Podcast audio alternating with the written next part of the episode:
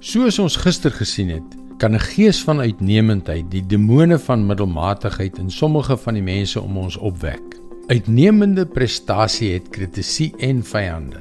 Hoe hanteer jy dit? Wat is die oplossing? Hallo, ek is Jockey Gouchee vir Bernie Diamond en welkom weer by Vars. Die ding wat Daniel al die jare gelede in die leeukuil laat beland het, was die jaloesie van sy ewetnee toe hy bo hulle verhef is. Hy was bevorder omdat hy eerlik en ordentlik was en hard gewerk het.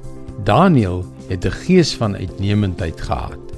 Daniel se kollegas het saamgesweer koning Darius bedrieg en geglo dat dit hulle probleem opgelos het.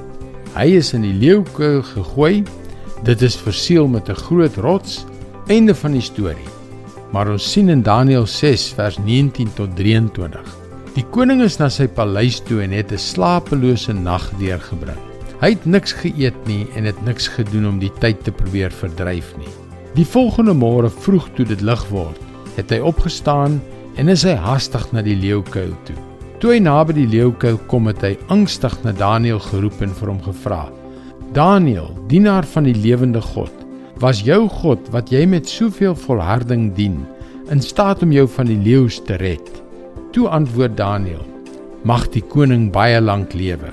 My God het sy engel gestuur om die bekke van die leeu's toe te sluit sodat hulle my niks kon aandoen nie, want hy het bevind dat ek nie teen hom oortree het nie.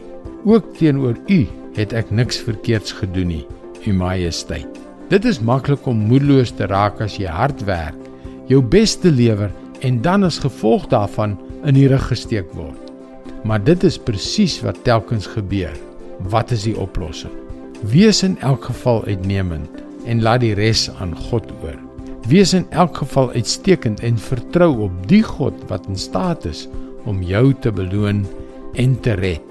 Die bekke van die leeu toe te sluit sodat hulle my niks kon aandoen nie, want hy het bevind dat ek nie teen hom oortree het nie.